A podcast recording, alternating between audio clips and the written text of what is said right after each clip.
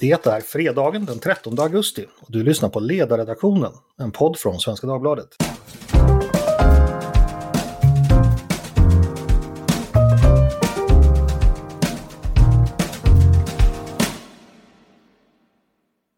Hej och välkomna! Jag heter Andreas Eriksson och idag är det dags för ännu en podd och Svenska Dagbladets ledarskribenter summerar nyhetsveckan. De som ska göra det idag är nyss tillbaka, kommer från semestern, Mattias Svensson. Välkommen hit! Tack så mycket! Var det roligt att börja jobba igen? Eller vad, vad var roligast att börja, med att börja jobba igen? Kan jag säga. Eh, att få skriva och tänka. Ja, just det. Det var du bäst på. Eh, en annan semesterfirare som nyss återkommit är Maria Ludvigsson. Hej Maria! Hej! Känner du dig intellektuellt, mentalt förberedd för en hård höst i spalterna? Fullständigt! Jag är på tårna. Det låter jättebra. eh, en som inte har tagit semester utan har slitit hela sommaren, det är en av våra sommarvikarier eh, som ännu hänger i eh, nu när surströmmingspremiären närmar sig. Paulina Neuding, hej på dig! Hej på dig! Har du haft ett lärorik sommar på sidan? Jag har haft en lärorik sommar. Mm, jättekul! Mm. Det, det, det, det är ju för att ungdomar som du som förkovrar sig som vi erbjuder den här typen av platser. Hörni, eh, jag tänkte vi ska börja med dig Maria faktiskt. Eh, mm. Jag såg att en av dina första texter efter semestern eh, handlade om ett lättrörligt mål, nämligen justitieministern Morgan Johansson, som vi alla känner väl. Eh, vad skrev du om honom, eller vad, vad tänkte du om honom? Ja, det, både, alltså dels, ehm, det handlar ju om de afghanska tolkarna, detta som egentligen inte är något nytt ämne i den svenska politiska debatten. Det var aktuellt även när Tobias Billström, när det begav sig, var ansvarigt statsråd mm. för huruvida man skulle hjälpa, eh, ge en fristad för de tolkar i Afghanistan som har hjälpt svensk militär och därmed utsatt både sig själva och sina anhöriga för livsfara. Det här har varit en utdragen diskussion och, och det i sig är knasigt. Det är klart att vi ska hjälpa dem. Eh, ibland blir det så när man är ledarskribent så kan man välja mellan att skriva i ämnet som sådant, eh, som man kan känna mycket för, eller så kan man gå på personerna som är involverade i diskussionen. Jag mm. försökte göra både och, därför att det är inte fint att bara göra det senare. Så jag ville naturligtvis kritisera både tidigare ansvariga statsråd och Morgan Johansson för att man inte tar den här frågan på allvar och gör det som uppenbart är det moraliskt riktiga att göra, att hjälpa dem. Ja, såklart, för han kom ju eh, med minst ett mystiskt utspel tidigare i veckan då, där han eh, förklarade att om man då ska hjälpa tolkarna så skulle man då hjälpa väldigt många andra människor som också har bidragit till Afghanistan. Ja. Och då var det plötsligt 10 000 personer. Om inte mer, om inte hela ja. världen. Alltså, ja. Och det här stör mig, dels för att det är ohedligt, det stämmer inte. Men så, så finns det också någonting i, i den här argumentationen, tänk om alla skulle. Den är väldigt vanlig i både svensk offentlighet men också i hur vi diskuterar med varandra. Så fort det händer någonting och så frågar man varför skulle man inte göra så? Istället för att då få en tydlig förklaring till varför det är fel att göra så, så orkar man inte riktigt det säga och så tar man istället den här slentrian. Ja, men tänk om alla skulle. Och det är någonting eh, väldigt, jag inbillar mig att det är väldigt svenskt att ta det, därför att det, det gör också att det är helt omöjligt att argumentera emot i sak. Därför att det är klart att om alla gjorde det där, till exempel och säger Ja men här kan du inte ställa din cykel, ja men den ska bara vara en stund. Ja men tänk om alla skulle ställa sin cykel här, då ser man ju för sig att det är ett berg av cyklar och då förstår man att det skulle inte gå. Så i mm. sak är det naturligtvis, jag tänker om alla skulle, men det kommer ju aldrig hända. Alla kommer aldrig ställa sina cyklar där. Och det, därför blir det, det är ett ohederligt argument som man inte kan svara emot, men som också är, är ganska banalt. Det kan jag hålla med om. Jag tror dock inte det är så svenskt. Eh, jag påminns om någonting, eh, boken Moment 22 som ni säkert alla läst av Joseph Heller. Mm. Då får ju då Jussarian, huvudpersonen, får ju frågan då varför han inte vill göra fler eh, flyguppdrag. Så så här, Tänk om alla skulle vägra att göra flyguppdrag? Och Jussarian mm. svarar, ja men i så fall vore jag ju väldigt korkad ifall just jag skulle göra flyguppdrag. Ja, men där, där förekommer det i alla fall. Då skulle jag vilja försvara Johansson kanske lite här, för att mm. har han inte poäng i att det kan vara bra med att ha en principiell hållning när det gäller, det handlar ju om människor, det handlar om stora värden. Att man mm. tänker igenom sin hållning och att den verkligen blir så allmängiltig att den håller strecket. Fast för att säga, nu handlar det om att rädda människors liv. Det kan ju mycket väl finnas andra människor som, precis som tolkarna, har gjort Sverige stora tjänster vars liv är hotade. Och om man då mm. som Morgan Johansson och regeringen är orolig för hög invandring, de vill ju inte ha hit så många invandrare, då kan det väl finnas en poäng Eller tänker jag fel då? Ja, om man är rädd för hög invandring då finns det alltid en poäng att säga nej till både de som borde få komma hit och de som inte. Men då är ju det, då får man nästan ta diskussionen om den grundläggande principen. Varför, varför vill vi ha invandring? Varför vill vi ha rörlighet i världen överhuvudtaget? Den skulle jag gärna ta med Morgan Johansson. Jag är mm. inte säker på att han öppnar för det, men det är två olika diskussioner. Men du är helt inne på den, att det finns i grunden så finns det en ovilja ta, att ta emot folk. Eh, det kan ju bero på därför att antingen så tycker man det av principiella skäl eller så vet man att den allmänna opinionen efterfrågar eh, striktare eh, regleringar, stängda gränser mer åt det hållet. Så han försöker väl Fast hans svar i det här fallet, det tror jag snarare kom av att han var väldigt pressad mm. och är av, den, av det slag som inte riktigt, som snarare surnar till än tar eh, frågan på allvar. Och, och, det som stör mig också i detta, det är att det här är en ganska allvarlig fråga. Dels som du säger, det är en principiell fråga, vilka ska få komma och inte. Eh, och att då eh, hemfalla till att ha ett slaskargument är att inte riktigt ta det på allvar. Mm, Okej. Okay. Eh, Mattias, om jag vänder mig till dig. Eh, jag försökte här försvara Johansson lite med att det eventuellt skulle kunna finnas en poäng i att föra fram principiella argument och att liksom inte bara hemfalla åt sakfrågan att om den ena kommer ska den andra komma och så vidare. Eh, är du lika kritisk till mitt försvar av Johansson som Maria precis var? Eller hur ser du på saken? Ja, alltså det, det blir ju, eh, det, det, blir ju en eh, sidodiskussion om, eh, om, om just det här. Det, det, dyker upp ibland och där tycker jag Maria har en, en kul spaning. Men jag ska ju inte, eh, jag vågar inte svära mig fri från att ha använt det själv. Det är ju, det är ju lite av Kants kategoriska imperativ förvisso att, att liksom, man, man ska bara ha något, eh, upphöja något till maxim om, om det kan upphöjas till maxim för alla, men jag tycker att även den grunden är ganska dålig, så jag håller nog med, mm. med Maria här i, i också den frågan. Saken tog en liten annan vändning senare i veckan då, då Försvarsmakten berättade att man inte hade haft några egna anställda tolkar sedan 2014 då, utan har delat eller använt sig av folk som har varit kontrakterade av andra länder om jag förstod saken rätt. Jag, jag, ska säga, jag har själv försökt ta kontakt med Försvarsmakten om detta för att reda ut det i en podd. Det har inte varit alldeles lätt att kryssa sig fram bland deras kommunikationsavdelningar. Kan det, det, har ju verkligen blivit som det här. Det var ju någon som ganska tidigt drog det här skämtet om 10 000 tyska bögar, alltså Hassans mm. klassiska busringning till eh, Ja till, ja, till Europa, Europa, under, under eh, EG-omröstningen. Eh, och, men, men, men det har ju liksom överträffat den. Det kan verkligen komma noll, det kan komma hundratusen. 100 000 tolkar. Då, då hade vi verkligen stora tolkåtaganden i Afghanistan. Ja, där någonstans drar även du gränsen. det, det här, detta leder ju, kanske vi inte har tid med det, här leder ju också som alltid till diskussionen om vad betyder fri invandring, vad betyder reglerad invandring? Alltså, det som är förhärskande i svensk debatt är att man ska, eh, man ska med siffror bestämma hur många som får plats eller ska få komma hit det man sällan diskuterar är att man kan ha ett förhållningssätt där man säger ja, de, let them in and let them earn. De som behöver komma hit får göra det, men vi kommer inte eh, ställa hela välfärdsstaten till förfogande. Där, men där går ju en, en mm. skiljelinje också, i, i, alltså en ideologisk skiljelinje mellan de som tycker att eh, det är viktigare att bevara den ordning vi har i Sverige än att ha, ha generösare öppenhet i, vid mm. gränsen. Mm. Men alltså, tänkte... det, finns en, en paradox här i att vi har ju inte, vi har ju fortfarande en väldigt generös migrationspolitik. Det är bara i, i det här specifika fallet som man väljer att vara stenhård. Just det. det. det. är väldigt svårt att förstå. Även om man, nu delar ju du och jag inte alls samma syn på det här med, eh, med migrationen och let them in, let them earn tror jag vore en väldigt riskabel väg att ta. Att, eh, att montera ner välfärdsstaten hellre eh, och ha högre migration än att skydda välfärdsstaten och ha lägre migration.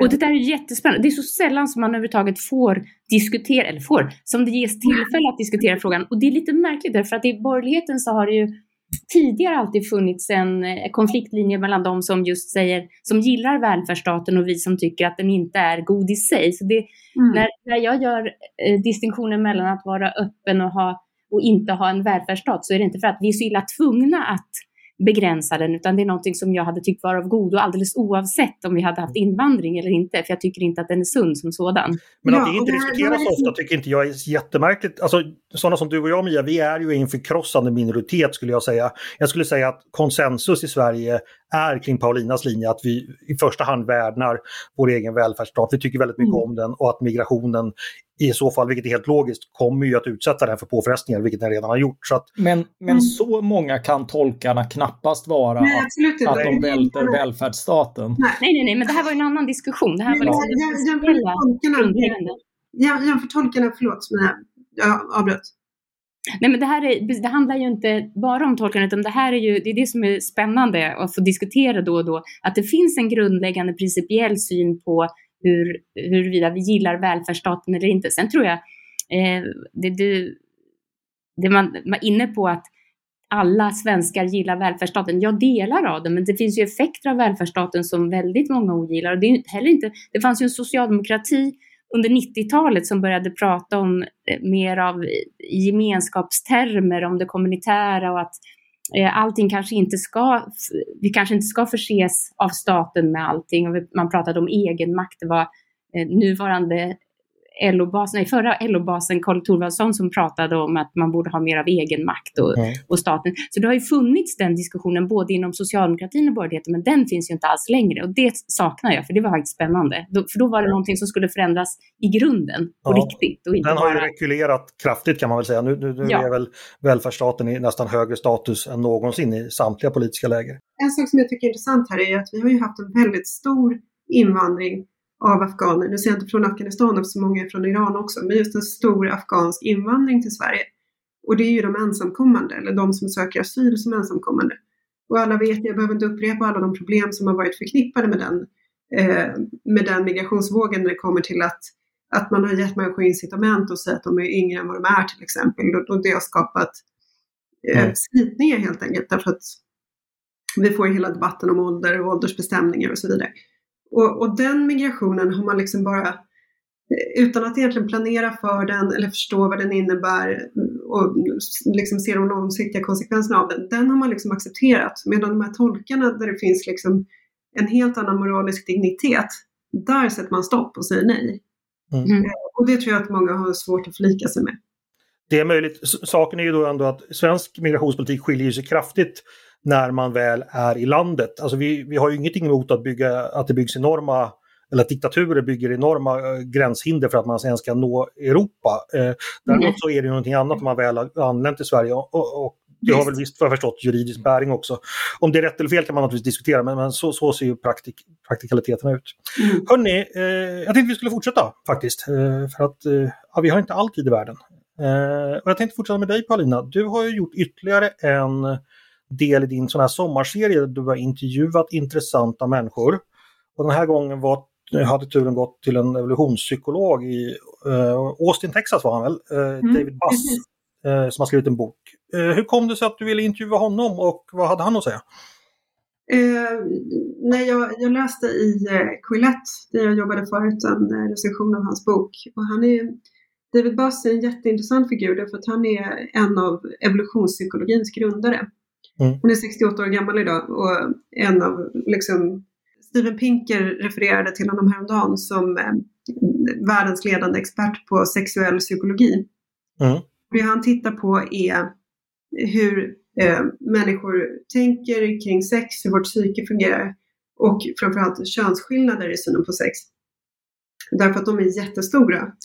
Eh, och, eh, och hans tes då, hans senaste bok som heter Bad Men, den handlar om varför män begår sexuella övergrepp.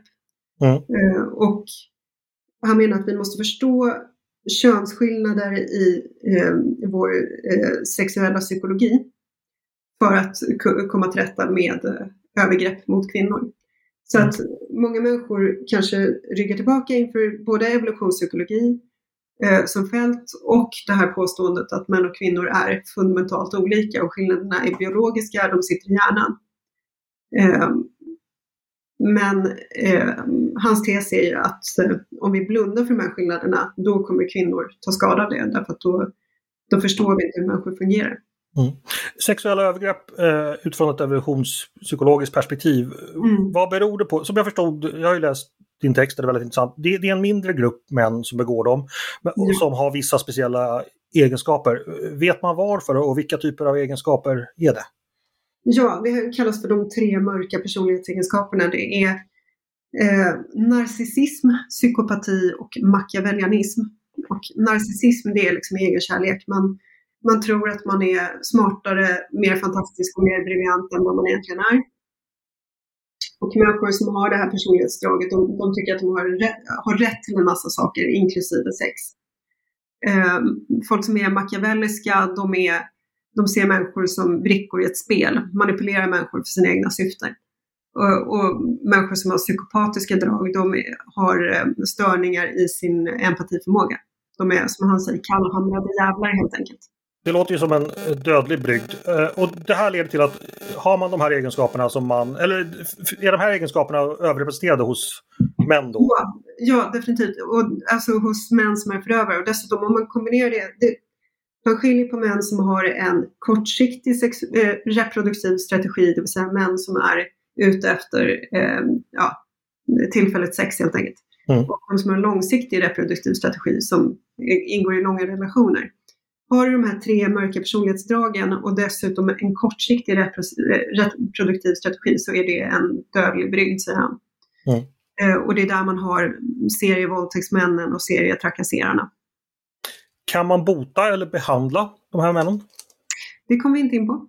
Eh, vad vi pratar om däremot är att kvinnor behöver känna igen de här personlighetsdragen därför att mm. de är jättefarliga. Det är inte tänk aldrig liksom, ja, han har svårt att känna empati, men han har ju vuxit upp sig och så och liksom, han har ju varit med om allt det här.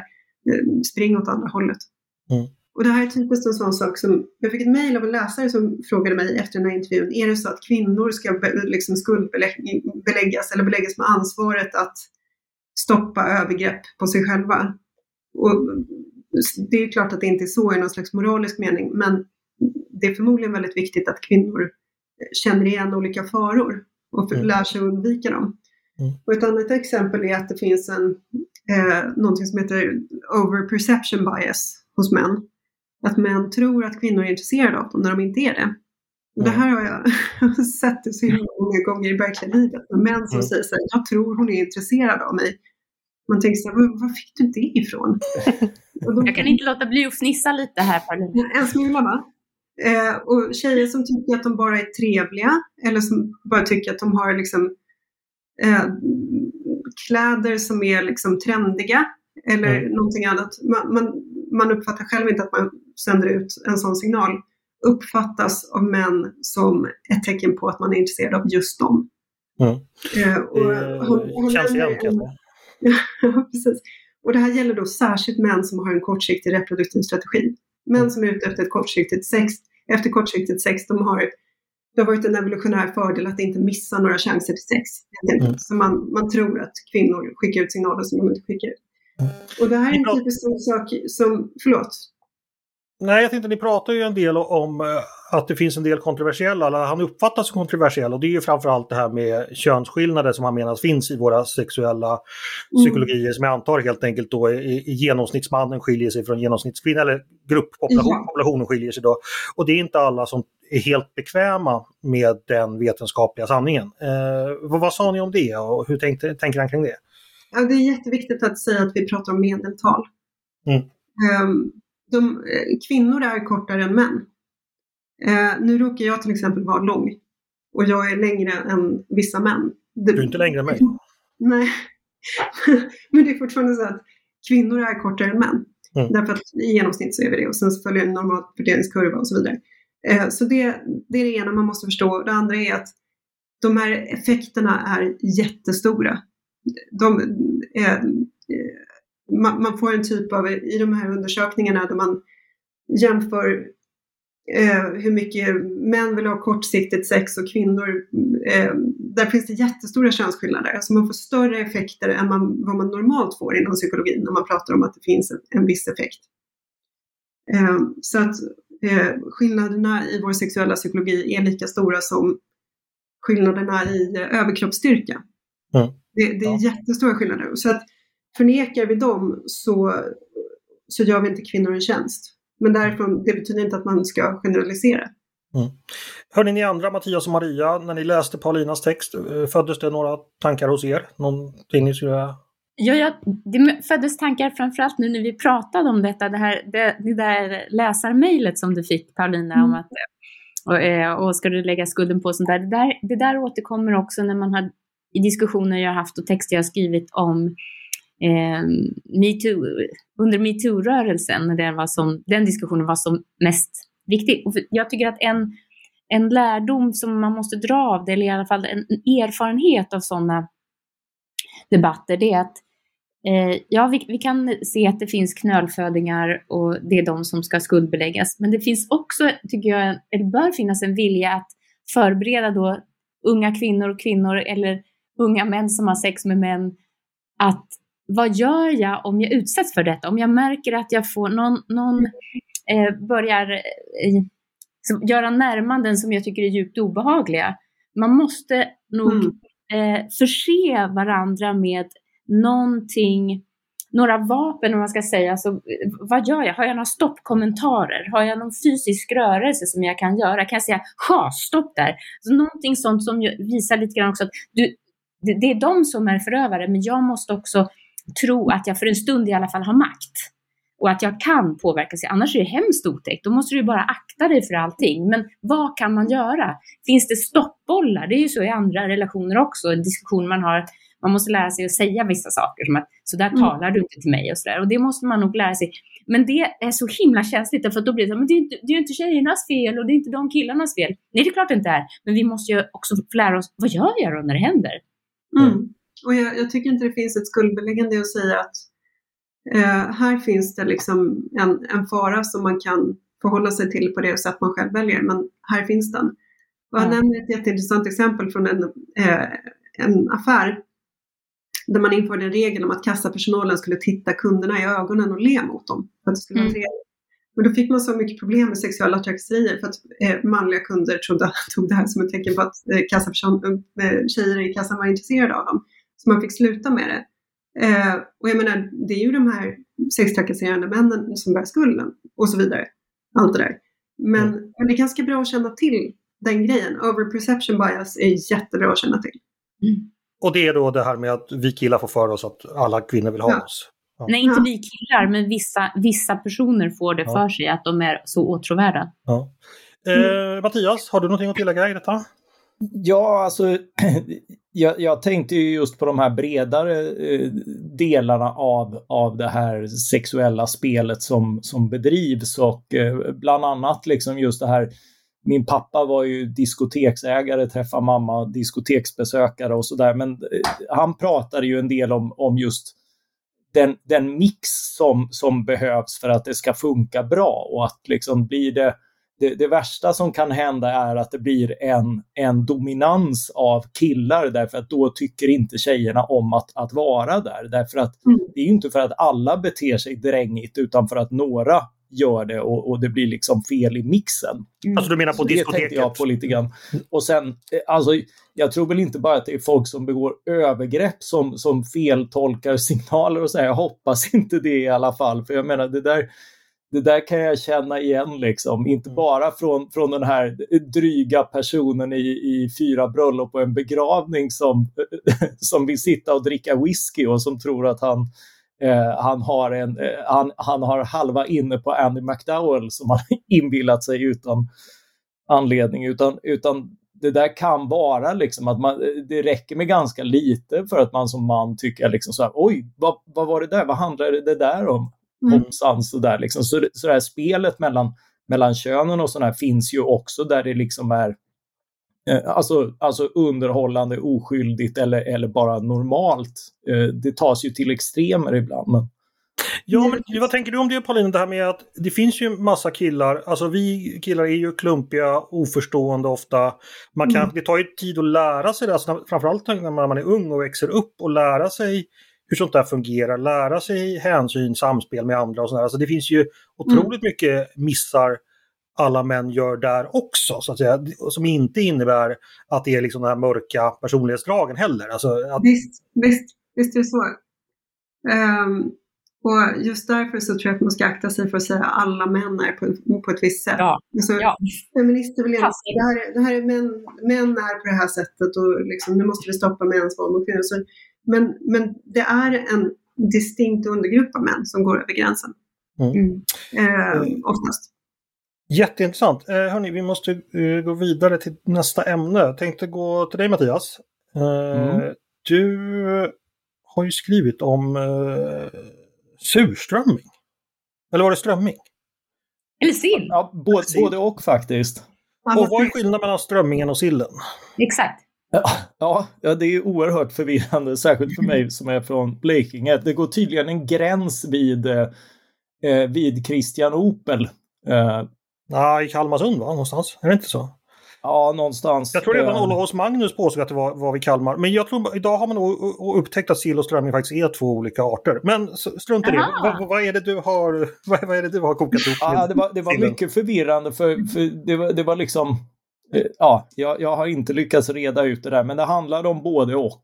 Mm. Eh, och, och man är osäker på om, om det är samma eh, bestånd eller om det är skilda bestånd och sånt där. Liksom. Men, men strömmingen börjar i alla fall ta slut lagom till surströmmingspremiären nästa, mm. eh, nästa torsdag, eller nu på torsdag i nästa vecka. För vi pratar om utfiskning helt enkelt? Ja, kanske, för ja. vi vet inte riktigt vad, vad det här beror på. Eh, alltså Östersjön mår inte bra och, och det är många utsläpp, det är temperaturförändringar.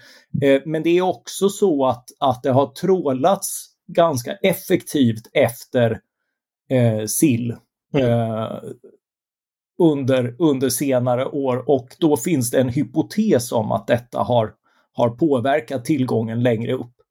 Eh, eh, och och, och tanken, tanken är då här att, att liksom då, det är ju ett av de tillfällen där där liksom den här försiktighetsprincipen, att man även där man inte riktigt vet och har solida vetenskapliga belägg för ett orsakssamband kan hindra en, eh, en verksamhet, i det här fallet eh, storskalig trålfiskning, för att man, man vill se om, om det kan, kan rädda de här bestånden som annars ser ut att vara hotade. För, för det vet vi ju från exempelvis Kanada på 90-talet som fiskade ut torsken och sen har man vid vissa tillfällen trott att nej, men nu är den äntligen på väg tillbaka men så här 30 år senare så, så är den inte det utan, utan när, när det går under vissa nivåer så, så kan de vara borta för gott och då förändras också ekosystem och annat mm. efter det.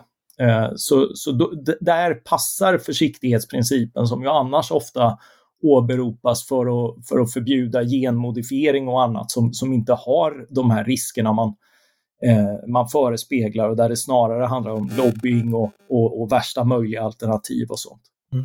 Men, men eh, är det på gång något stopp mot eh, trålfiske? Eller? Eh, ja, ja, det, det, är, det tas politiska eh, initiativ från bland annat Moderaterna och jag tror att Havs och vattenmyndigheten har förespråkat det också om jag har förstått eh, mm. dokumenten därifrån rätt. Så det börjar, man, man, har uppmärksammat de här, de här problemen och försöker ta upp det i, i förhandlingar mellan, eh, mellan länder kring Östersjön och, och, och, eventuellt också vid EU. Det är ju olika ansvar där som alltid när, när länder ska enas om en om en, om en gemensam eh, problematik. Mm. Det, jag äter inte surströmming själv men jag vill gärna ha kvar min Brantevik-sill på julbordet så det vore ju olyckligt ifall eh, vi skulle bli utan sill helt enkelt. Ja, eh, det, det, är väl mest i Norrland man... Jag, jag roade mig mest med att titta på sådana här YouTube-videos av, av folk i utlandet som har fått ja. surströmming skickat till sig. Det är jätteroligt, det kan vi rekommendera lyssnarna att titta på. Det finns framförallt en familj i Texas. Ja, jag har ätit det. Hur är det? Jag har inte heller ätit det, jag har bara luktat på det. Ja, det har inte jag. Jag vet inte liksom. Ja. ja nej, nej jag, jag är ju liberal så jag engagerar mig som vanligt i en, i, i, i, för en teoretisk princip utan att ha någon praktisk erfarenhet. Så jag har inte heller ätit surströmming. Well put. Men det finns i alla fall en väldigt rolig YouTube-film just med de här, den här Texas-familjen som ska äta det tillsammans med nachos och öppna burken och blir fullkomligt chockade. Och han som ska börja äta, han får helt enkelt gå ur bild så får man höra hur han avomerar ute i trädgården helt enkelt. Alltså det, det är, ja. Enkel med, med rolig humor. Men, men okej, okay, ingen av oss känner till surströmmingens... Eh, nu får vi uppretade mejl från Norrland då antar jag. Ja, nej, men jag är ju oerhört imponerad av något som liksom verkar så väsentligt. Det är liksom sånt som gör människor spännande. Att liksom, hur kom man på att det här var ätligt och hur testade man sig fram och varför och sånt där. Liksom. Det, vår, vår, politiska chefredaktör vet jag äter surströmming med glädje. Ja, men hon är ju uppifrån också så det, det, det, det, är, väl, det är väl rimligt. Ja, men var det inte helt enkelt så att all mat förr var äcklig och knäpp och så har några saker liksom överlevt? Typ liksom surströmming, haggis, eh, vissa mögelostar liksom. För att förut var liksom, ja, allting ruttnar ju men man käkar ändå liksom. Tror jag. Och sen så har vi långsamt sorterat ut det i takt med ökande välstånd. Det, det, det ja. ja, hörni, eh, vad, vad, roligt. Det har varit en händelserik vecka. Eh, jag tänkte bara en sista ämne. Eh, det ska ju bli regering, eller budgetförhandlingar här eh, snart och idag gick ju Vänsterpartiet ut på DN Debatt de får ju inte förhandla med Centerpartiet om budgeten, för det har Centerpartiet bestämt. Så då har man då skrivit en debattartikel och förklarat vad man skulle vilja ha i en budget då. Så kan Centerpartiet, ja, man kan ju inte undgå att läsa tidningen då, så behöver ju inte de förhandla. Eh, bara kort rundfråga kring er. Vad, vad, vad, tror ni om detta? Möjligheten att man får ihop att Stefan Löfven och Magdalena Andersson får ihop en budget som då Vänsterpartiet kommer kunna acceptera. Eh, Maria, vad tänker du? Eh, jag, jag tänker att de, alltså sosseriet har en förmåga att alltid komma ur det på något sätt. Alltså de, de spelar de andra partierna, inte minst Centern, så till slut så får de igenom någonting genom att de är så, de är så smidiga eller de är liksom så för, förslagna i sitt sätt att spela det politiska spelet. Så de, ja, som regel så brukar de ju få till det på något sätt. Mm. De är duktiga på politik helt enkelt. Eh, Mattias, vad tänker du? Jag tänker på han revolutionären i, i uh, Tillsammans. Uh, han, han som till slut går och provocerar vid slottet och, och mm. får, får, jag inte gå över den här linjen då, men om jag sätter foten över i luften, luften är ju fri, Eh, lite så är det med Vänsterpartiet här. Liksom. Om, eh, ah, Okej, okay, vi får inte förhandla med, med regeringen, men om vi lägger våra förslag här i offentligheten, luften är ju fri. och och liksom, då, då har man ju avslöjat liksom, eh, ah, alltså, det, det, de, här, de här röda linjerna har ju, har ju blivit liksom som den här vita linjen, något man, något man skojar om. Liksom, och, ja, Slutade inte det med, med snubben tillsammans åker till Tyskland för att ansluta sig till Baader-Meinhof-ligan? jo, jo det, var, det, det var i alla fall vad han, vad han skrev. När, så kan det gå om inte ens barnen vill diskutera marxism. Nej, okay, Vad daterade det, filmreferenser vi har här idag. Det är fyra bröllop, en begravning och tillsammans. Ja, ja jo, men det är jag som har gjort filmreferenserna. så det, det, blir inte så finkulturellt. Nej, men det ska det bli nu. Eh, för nu ska vi nämligen avsluta med att göra den vanliga rundan då man får tipsa om någonting inför helgen som lyssnarna kan ta sig till. Kanske en bok att läsa eller en artikel att spana in eller någonting att besöka. Eh, ah, vad som helst helt enkelt hur man kan förkovra sig under helgen. Mattias, vad är ditt eh, tips? Ja, tips och tips. Premier League börjar i helgen. Mm, just det. Och du har stora förhoppningar på ditt lag. Eh, ja, det hade varit en, de hade varit ännu större om vi haft en anfallare så vi får hoppas att oljepengarna räcker dit också. Men eh, eh det, det, blir spännande. Ja, Okej. Okay. Eh, Paulina, vad vill du tipsa våra eh, lyssnare om? Jag vill förstås tips, tipsa om David Buss bok, senaste bok, Bad Men, mm. The Hidden Roots of Sexual Deception, Harassment and Assault. Mm. Precis. Kallar han sig för Dabas? Nej, han... det gör han inte Mattias. Fick vi in den referensen också så höjde vi nivån. Eh, Maria, du bra. Vad, har, vad, skulle du vilja tipsa om denna vackra sensommarhelg? Jo, jag skulle vilja rekommendera att man går och badar. Mm. Sök upp närmsta vackra insjö eller om, ännu hellre havet och kasta er i det. En lisa för kropp och själ. Det är det alltid. jag ska tipsa, Nej, exakt. Det gör man aldrig. Eh, jag tänkte, jag ska tipsa om, jag har ju varit eh, inne på det här eh, sidan Runeberg hela sommaren och läst gamla skrifter, ni vet, där man mm. eh, lägger in bild, eh, verk som inte har någon upphovsman. Eh, där upphovs, upphovsrätten har gått ut helt enkelt. Och nu, nu har jag då, senaste veckan har jag läst anteckningar under en resa genom Sverige och Danmark sommaren 1839 jämte några bilagor. Mm. Det är en tysk jurist som heter Friedrich Karl von Stromberg som besökte Sverige då i augusti 1839 och han har eh, en fantastisk skildring av, Sverige eh, i början på 1800-talet. Eh, han är ganska imponerad av Sverige. Han tycker att vi är ett rent och trevligt folk. Han tycker att det, mm. svenska kvinnor är oerhört eh, vackra men vill då inte prata med honom så mycket utan sitter bara och läser böcker när han försöker prata med dem. Jag tycker det är tråkigt apropå ja, män och mm. deras beteenden. Eh, han imponerade han, han var inte något, något, han hade inte något sånt här drag då eller? Ja, det, ja, nej, det tror jag inte han har. Han verkar vara en mycket civiliserad man. Eh, han imponerar Stockholms skönhet oerhört mycket. Eh, han tycker det, det, det, är trevligt att det inte finns några tigg, nästan inga tiggare i Stockholm, att det är ändå ganska rent och fint. Tyvärr finns det bara två hotell som är anständiga i hela Stockholm, eh, så det är han lite besviken på. Men annars är han... Vilka är det? Vad sa mm. du? Vilka hotell är det? Jag har faktiskt glömt bort. Ett som han bor på som ligger på Stora Nygatan, vars namn jag glömt, jag kan ta upp nästa, och ett som ligger på Drottninggatan. För han menar att de flesta eh, hotell i Sverige har då saknar restauranger. Alltså det, det är då, mm. och han tycker det är väldigt viktigt att värdshus ska både, man ska både kunna sova och äta på samma ställe. Men han mm. rekommenderar resande till Sverige att hyra en privatbostad, för det är väldigt lätt och det är många som utannonserar att man kan hyra en våning helt enkelt och det blir billigare. Airbnb! Ja, precis. precis. Och han får också ändå audiens, audiens hos kungen som han pratar med länge, Karl XIV Johan, som han är mm. oerhört imponerad av också. Mm. Väl värd att läsa om man är nyfiken på hur livet kunde gestalta sig för en mm. turist i Sverige. Eh, det var roligt! Det där påminner mig om ett annat boktips som är mm, Per Westbergs eh, bok om hans föregångare eller företrädare på stol nummer 12. Mm. Man lär sig massor och får googla ännu mer. Ja, precis. Ja, det, det, det har jag också fått göra väldigt mycket. Mm. Eh, Friedrich, Friedrich Karl han reser bland annat också på, på Göta kanal. Det, det, är väldigt spännande. Det är han också väldigt imponerad av. Mm. Eh, så. så att han är en riktig Sverigevän. Och eh, den, han, han, är inte så imponerad av Uppsala universitet. Eh, för han tycker juristutbildningen där är ofullständig. För man läser, det finns tydligen inga lektioner i romersk rätt eller rättshistoria. Vilket ja. han tycker är skandalöst. Det, det, kan, eh. det kan bekräfta att så är fallet. Det dröjer ja. till sista terminen. Eh, precis, och det, det, han menar då att visserligen så, så, så används ju inte romersk rätt i, i, Sverige då, men man ska ändå ha koll liksom på, på det. Det tycker han är viktigt att alla uttalar. Just det. Hörrni, har ni känt att det är fredag den 13 idag? Nej, ännu inte. Men jag antar att vi får något tekniskt problem när vi lägger ut podden eller något sånt där. Har du känt det Paulina? Nej, eh, usch, så ska man inte säga. Peppar peppar. Ja, ta i till det. Ja, verkligen. Hörni, vad bra. Då är det faktiskt eh, tack för idag, slut för idag. Om inte någon som har något att tillägga. Nej. Nej, vad bra. Tack Maria, tack Mattias, tack Paulina. Tack Andreas. Tack.